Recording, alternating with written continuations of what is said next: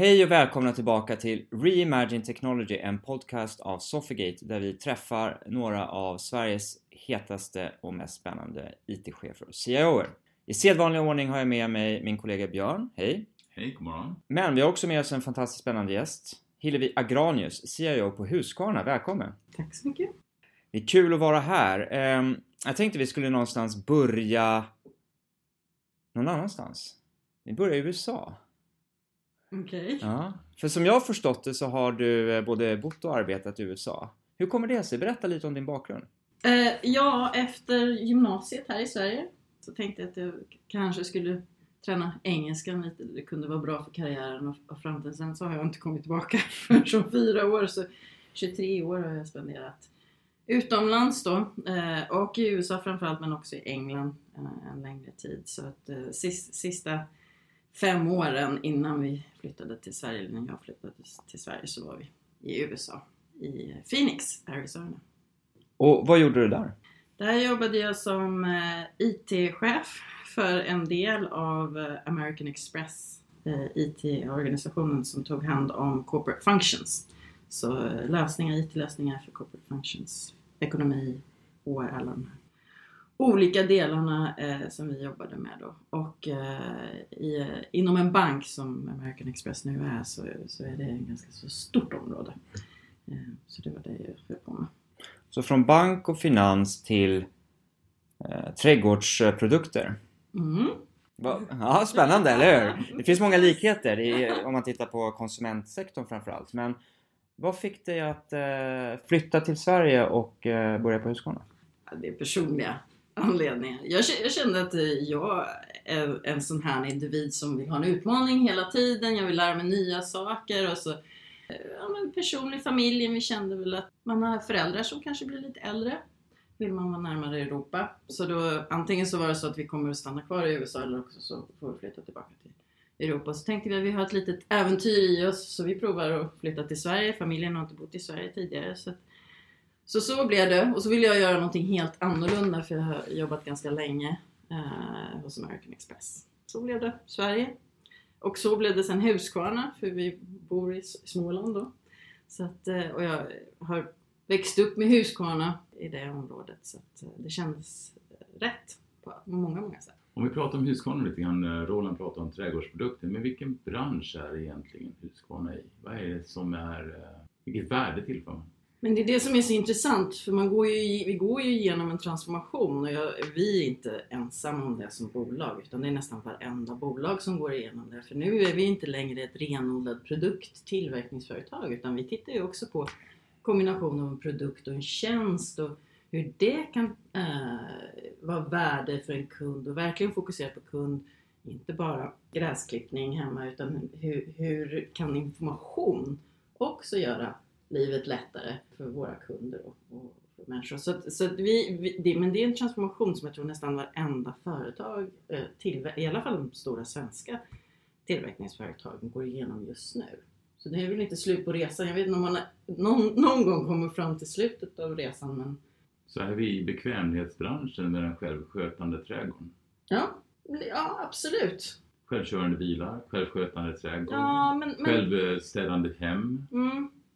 Men, men jag respekterar att individer är annorlunda och man har olika preferenser. Så jag, jag, jag är ju en, vad, vad vi skulle kalla då inom Husqvarna-gruppen, en convenience seeker. Som är, jag, jag letar efter liksom att trädgården ska ta hand om sig själv, jag kan bara njuta av trädgården. Men det finns en enorm mängd med människor som älskar att bara spendera tid i trädgården och de vill arbeta i trädgården. Så att vi har ju olika kundsegment strategiskt som, som vi självklart liksom inte kan glömma bort överhuvudtaget. Och vi, vi riktar oss mot, mot alla olika typer av kunder skulle jag säga. Beroende på om man vill jobba hårt i trädgården eller om man vill bara liksom automatisera trädgården. Så. I rollen som CIO, eh, det blir ju extremt viktigt när man åtminstone vill gå mot det kanske självskötande trädgården då. Eh, och kanske även för de som vill jobba hårt i trädgården. Hur, vad tänker du på på dagarna? Och vilka, vilka megatrender har- drar du nytta av för att kunna vara en spänstig samtalspartner med verksamheten? Jag tror som företag så innovation är alltid någonting som vi pratar väldigt mycket om och vi är snabba på att hoppa på nya saker och prova nya saker. Och ibland så glömmer vi lite bort att bakänden måste också hänga med. Och vi måste liksom ta hand och, om driften och uppehållet om man säger. Man kan ju inte ha ett hus, man måste renovera någon gång då och då.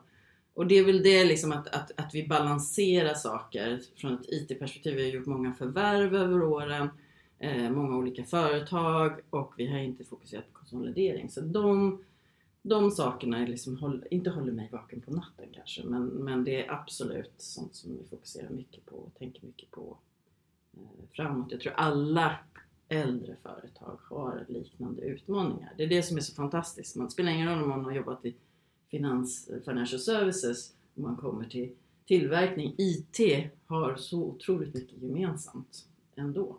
Vilka eh, branschkollegor eller liknande branscher sneglar du på för att eh, få inspiration eller kanske låna bra idéer?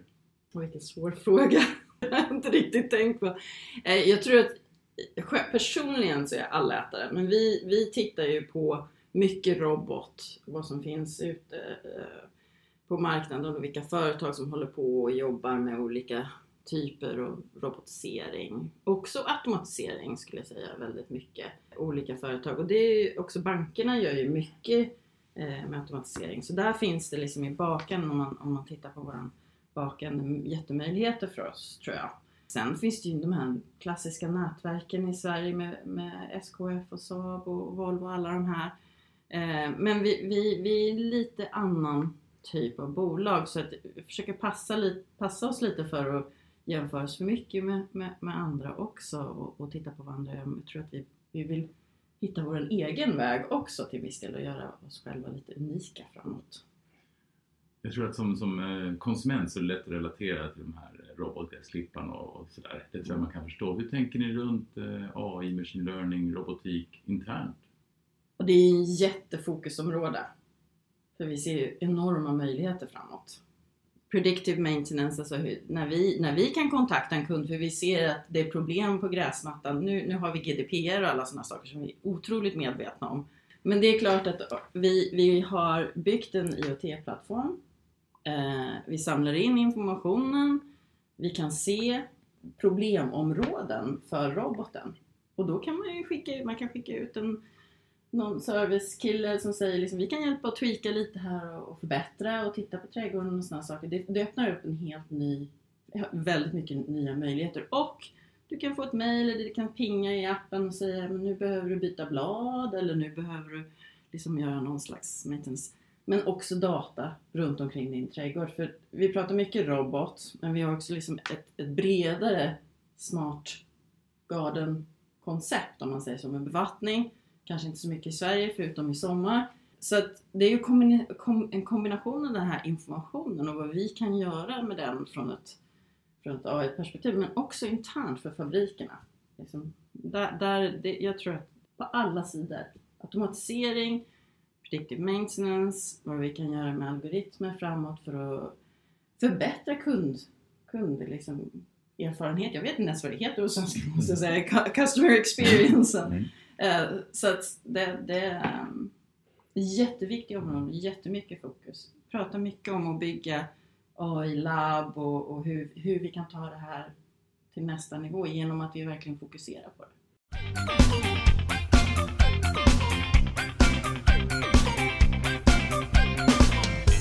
På det temat att jobba datadrivet med innovation, hur skulle du säga att den datadrivna innovationen påverkar kulturen. Någonstans har jag läst, jag kanske citerar fel här, men att digitalisera inifrån. Mm. Eh, hör ihop med det här det vi pratar om. Mm. Kan du berätta lite om dina tankar kring det?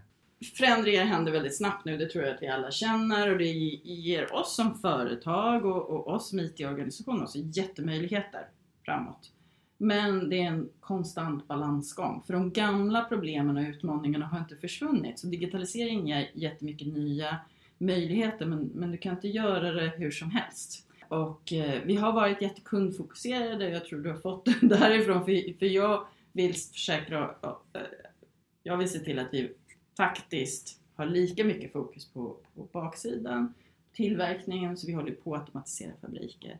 eh, och tittar hur vi kan förbättra kvaliteten genom det också framåt. Mm. Det, det är över, jag vill försäkra att vi gör det här och har samma fokus över helheten. Och det, det har en tendens att vara mycket diskussion om kund och ut mot kund. Och vi har satsat jättemycket på det. Men vi behöver också satsa på, på den interna sidan skulle jag säga. Den är viktig för mig för det påverkar anställda, förbättrar arbetsplatsen och alla de här sakerna också. Tänk om vi lyfter blicken eh, en liten stund. Hur får man ett bolag som har funnits i 300 år att överleva och vara relevanta i 300 år till? Genom konstant innovation. Är det svaret? Det är så enkelt. För om man, om man ska vara lite krass, man skulle i princip kunna tillverka mer eller mindre samma produkter i ett par hundra år. Nej, det tror jag inte. Om det verkligen skulle funka. Mm. Det beror på vilken typ av produkt det är. Nej, men det, det är självklart att det är mer en innovation, men det är en kultur av eh, liksom open mind, att man är öppen för förändringar och man är öppen att prova nya saker. Och det, det tror jag det är en kombination. Det är en lite entreprenör eh, eh, spirit, Mm. skulle jag säga. Om vi borrar ner lite grann i kultur och i människor. Hur attraherar ni människor att vilja satsa sin karriär eh, på Husqvarna? Och hur ser upptagningsområdet ut? Vilka typer av profil letar ni efter och var hittar ni dem? Ja, från ett IT-perspektiv så är det en utmaning. Svenska marknaden är heller inte så här enorm. Så vi har ju partners, självklart. Det tror jag de flesta företagen har. Eh, och fantastiska partners också. Men vi har samlat faktiskt och byggt över de senaste tre åren har IT-organisationen växt eh, avsevärt. Eh, Och framförallt i de områdena där vi vill differentiera oss. Inom robot, inom ja, men bygga en digital tjänst eller ett digitalt erbjudande. Och jag tror att i början så var det en utmaning eh, att locka folk till kanske Huskvarna. Eh, vissa har pendlat, många har nu flyttat, köpt lägenhet eller hus i Jönköping och fakt- faktiskt flyttat ner. För ju mer organisationen växer och de, jag tror att man hör också hur mycket spännande saker som vi håller på med och man ser det jag tror bara robotgräsklippare, man ser dem i folks trädgårdar och man hör folk pratar om det. Jag lyssnade på radion i morse, de pratade om robotgräsklippare på någonting, Creepy-podden faktiskt, när jag Mm. lyssnade på den. Jag körde upp hit. Eh, så att, så att jag, jag tror att det, har, det gör en enorm skillnad. Det är ett underbart område som vi jobbar med, men vi, vi är också flexibla. Vi har en flexibel arbetsplats. Många kommer från Göteborg några dagar i veckan och, och vi samlas. Jag, jag, jag tror igen, jag är inte så här super svartvit person utan det finns grå. Man ska kunna jobba flexibelt, man ska kunna jobba en viss del virtuellt men det är enormt värde med att kunna jobba fokuserat tillsammans och vara på samma ställe under en period. Och det har vi byggt upp över en tid. Och det finns fantastisk kompetens i Sverige. Men det är också potentialen av att samla och folk är villiga och resa till en viss del också skulle jag säga. Så att hittills så har vi haft fantastisk framgång skulle jag säga. Och sen så är det bra om man har bra chefer också. Jag råkar känna till den här eh, lite pendlingskulturen om vi kallar det. det är, tisdag till torsdag så är man på plats. Mm. Och sen så, eh, ja, om det finns möjlighet så kan man jobba remote då, måndag och fredag. Och så lägger man alla fysiska möten under de här tre dagarna. Och det, det tycker jag är genialt med tanke på var, var man är geografiskt placerad. Så det, det känner många till och är väldigt positiva till det. Det gör att man kanske man pendlar ordentligt eh, några dagar i veckan och så man, har man väldigt lite pendling några andra dagar. Och det, på totalen så är det väldigt effektivt. Då. Ja, jag tror inte att man kan prata om digitalisering och alla de här sakerna och sen säga att du måste vara på ett ställe när vi har video, vi har Skype, vi har telefoner. Vi, det, det, är, det är ingenting som förhindrar det här. Vi har all teknologi i världen att göra det här på ett bra sätt. Jag tror i många fall så behöver du en dag när du kan rensa upp mejl och skriva och få den här tysta, lugna situationen som du kanske inte har på kontoret alltid heller. När jag är på kontoret så är det många som går förbi och knackar på dörren eller kommer in, frågar frågor. Så jag, jag, och jag tror att våra medarbetare uppskattar flexibiliteten. Vad tror du din personal säger om dig som chef? Eh, Jag tror att de säger att jag är ganska positiv, energisk, kan vara otålig ibland kanske, vill att saker ska hända och, och snabbt. Men det, det tror jag att de säger de mig. Och jag är ganska till, jag hoppas att jag, jag hoppas verkligen att de säger att jag är tillgänglig när de, när de behöver mig också.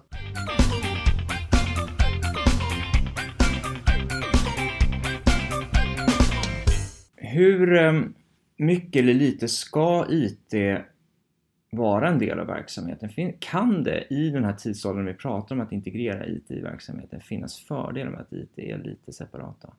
Det finns alltid fördelar och nackdelar men, men, men jag tror att det är så fundamentalt nu för hela verksamheten blir tech, alltså IT, IT på något sätt. Om, om, du, om du vill ju vrida och vända på det lite grann så verkligheten är att alla jobbar väldigt mycket med teknologi, väldigt beroende på teknologin. Fabrikerna står stilla om någonting går ner, går ner nätverk och sådana saker. Men jag tror att det finns några områden som är logiska att hålla ihop. Det finns en säkerhetsaspekt eh, som är viktig att kommer att bli ännu viktigare framåt. Så det, det är absolut tillväxt, kontinuerlig tillväxt inom säkerhet. Nätverk, hur du hanterar liksom styrning för vissa områden. Sen ska du balansera ut det med agilitet, närheten till affärsverksamheten så att det finns tydlighet runt prioriteringar och man kan jobba fram kravbilder tillsammans. Det, det tror jag är det enda sättet framåt. Eh, men det finns absolut saker som är logiska att hålla ihop. Och jag tror de varierar lite på, beroende på för, för vilken typ av bransch eller industri man är i då också. faktiskt. Om vi säger lite om framtiden och jag, jag håller med dig om, om tesen att IT och verksamheten är ett och att alla blir technologist. Behövs CIO i den framtiden? Kanske inte. Och i så fall vad, ehm, vad ersätts CIO med? Hur ser organisationskartan ut i framtiden? Men alla blir ju CIA, delvis en CIO då i- framtiden. Och, eh, jag har sett det tidigare i mitt förra företag också, att det blev väldigt mycket man tog in faktiskt IT-ledare och, och som ledde affärsverksamheten för att beroendet, man blir tekno, teknologiföretag till en viss del. Och det är väl fantastiskt. Jag vet inte varför, varför, varför, behöver, varför, varför behöver man en CIO i framtiden om alla har eh, teknologi och IT-förståelse? Det kan ju finnas eh, en aspekt av det du pratade om tidigare med att få ut synergier och konsolidera framförallt det som är kanske kärnan i, verksamheten och, och låta innovationer och verksamheten driva lite mera fritt. Då. Mm. Det, finns, det finns en synergi, eh, som, lika väl som man lägger finance och HR eh, är centralt för att få ut synergier. Absolut, och jag är jätte... Alltså synergier är en jättestor möjlighet och jätteviktigt. Eh, Det är absolut det området som jag håller med om 100%. Men det behöver inte kallas en CIO. Det kan vara en affärseffektiviseringsledare eller någonting sånt, jag vet inte. Eh, så att man verkligen får titeln och gå hand i hand med, med vad objektivet, strategin, målet verkligen är som man, är på väg och vad man, vad, vad man vill åstadkomma faktiskt. Ja, du har rätt, det skulle kunna ligga under finance lika gärna. För att driva ut synergier eh, och ekonomiska skalfördelar.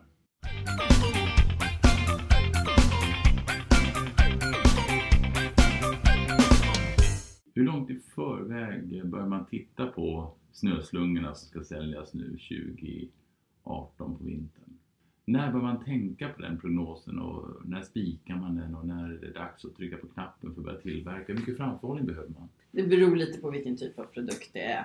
Vi, vi har också con- construction, alltså by- byggmaskiner som vi säljer också. Eh, och det är väldigt annorlunda. Det kan vara att man gör en assembly av någonting inom 24 timmar för att det finns ett behov. Men då har man ju delarna självklart. Så det, det är alla tidsramar skulle jag säga. Det är några månader. Det är väldigt kort, kort eh, period. Eh, och samtidigt så är det då några månader, 6 månader, 12 månader, 18 månader ut när man tittar. Liksom. Och historiken också. Eh, så vi har tittat på och rullat ut ett, ett, ett supply chain planning system för att försöka förbättra och, och titta vad vi kan göra med statistiken och algoritmer. Eh, också och det kan, hur det kan göra oss bättre på det här i framtiden. Någonting jag tycker är spännande att titta på det är ju tjänstifieringen som ni så att säga, har drivit rätt hårt de senaste åren, framförallt inom professional products. Alltså vi var inne på det lite tidigare, men ändå. Hur skulle du säga lite om så här, om man tar det bästa cherry-picka från tjänstifiering in, inom då den professionella kategorin, för över den till ja, sådana som mig. Eh, hur, hur ser framtiden ut? Hur ser era produkter ut och hur ser tjänsteutbudet ut?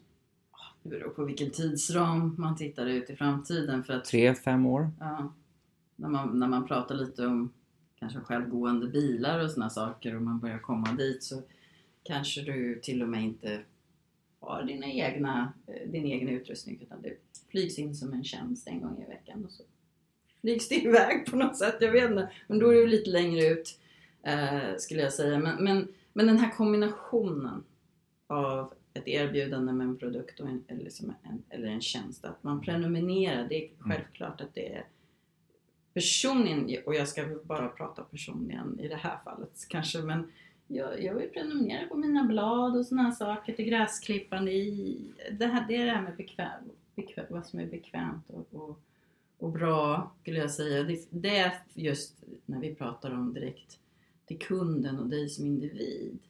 Eh, där finns ju jättemöjligheter framåt skulle jag säga. Och jättemycket intressant teknologi och information med hjälp av AI och sådana saker som, som vi kan erbjuda tror jag i framtiden. Folk skulle uppskatta och tycka var jättespännande och, och, och sådär. Så att, ja, sen är det nästa generation robotar, jag menar det händer ju över hela världen med allt, all, allting. Viss, vissa områden är svåra men gräsklipparen den, den är väl logisk känner jag generellt. Så. Är, är en dyr gräsklippare bättre? Jag tänker, era produkter är ändå i, i så att säga, premiumsegmentet och, och ni driver hela produktsortimentet åt det hållet och kapar mer och mer lågprissegmentet. Jag skulle säga nej, men jag vet inte om jag kan svara på något annat sätt. Jag menar, det, det, det, det ni vet hur det fungerar. Det är kvalitet, självklart som man tittar på vilken livslängd du förväntar dig av en produkt. Vad som är viktigt för dig. Säkerhet och sådana här saker. Så att det är svårt att säga en, en, en dyrare produkt bättre, men självklart. Mm. Får se vad klippoägarna tycker om det som har dem i 40 år. Men jag, jag, förstår, så att det är mycket av digitaliseringen och robotik och, och eh, AI, det kostar helt enkelt. Och, och, fördelarna för konsumenterna är då att det blir ett bekvämare liv, lite sådär eh, trädgårdsprodukter on demand scenariot. Ja, det är en typ av kund skulle jag säga. Sen så finns det kunden som vill göra allting själv och kanske bara vill försäkra sig om att saker fungerar när de inte är hemma och de vill kunna åka på semester och inte komma tillbaka till en trädgård som kanske inte finns längre, jag vet inte, men i alla fall efter i sommar. Så, så jag, jag, tror att vi, vi, det är inte så att vi koncentrerar oss på bara att det ska liksom vara en självgående trädgård, utan vi tittar på urbanisering också. Trädgårdar vertikala, det är jättespännande. Det finns så mycket potential och så mycket intressanta saker som händer och som kommer att hända grönsaker i, i städerna, på terrasser, ja igen vertikalt och sådär. Det, det, det finns behov för den typen av produkter också. Jag vill inte att vi ska fastna 100% på robotar för det är alldeles för enkelt att göra det. Men det finns så mycket mer och jag tror behovet är så mycket större också.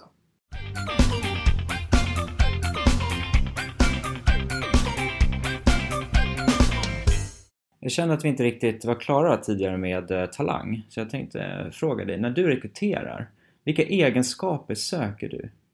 Jag, jag vet inte om jag är en traditionell ledare eller inte, men jag letar ju, alltså attityd är det jag letar efter. Din inställning. Inställningen eh, som du har, om, om du får fram att du är en person som gillar att lära dig nya saker och du kan plocka upp saker väldigt snabbt, så behöver du inte ha jättedjup kunskap och expertis. För då kommer ju lärare att plocka upp väldigt, väldigt snabbt. Så för mig så handlar det om ledarskapsdelen och leda dig själv och sådana saker. Att, att du kan demonstrera det. För det tror jag att det är det vi behöver. Agiliteten händer inte genom att en, en ledare sitter och diktaterar vad som ska hända. Utan det, händer, det, det, är ett team som tar snabba beslut tillsammans och känns, känner sig trygga med varandra. Och då, då ja, men det, det, det är den här inställningen som är, gör enormt skillnad för mig när jag rekryterar. Måste du träffa kandidaten fysiskt? Nej, jag har precis rekryterat en chef som jag inte har träffat än. Spännande! Ja. Så berätta om den processen. Är det bara Skype och telefon då eller? Bara, äh, videokonferens. Ja, ja. Och det ger en, en, en fantastisk upplevelse ska jag säga. Ja. Kvaliteten på videokonferensen är eh, alltså den förmågan är fantastisk. Men, men det hände över en tid. Jag hade ingen möjlighet nu under semesterperioden att, att resa. Så då blev det över, i och med att det var ett annat land, så blev det över video och telefon. Mm. Spännande, jag tror att det, det kommer hända mycket på det området så det, det ska bli intressant att se utvecklingen. Mm. Ehm, som en avslutande fråga, det är 19 september eh, 2018 för er som kanske lyssnar nästa år. Så är det CIO Governance i det. Stockholm. Eh, ett branschevent där många CIOer kommer komma. Och du är själv på scen, på stora scen. Berätta, vad ska du prata om? Nej, men jag tänkte prata om det här med balansen mellan det, mot kund och, och, och intern digitalisering. Det är det vi har pratat om en hel del i år. Det är det som mycket av våra fokus är också. Så jag tänkte att jag skulle fortsätta med, med den, på den banan. Spännande! Tack Hillevi Agranius, CIO på Husqvarna eh, och tack till Björn, min kollega. Eh, jag själv heter Roland Filip Kretschmar. Det här var Reimagine Technology, en podcast av Sofigate. Tack!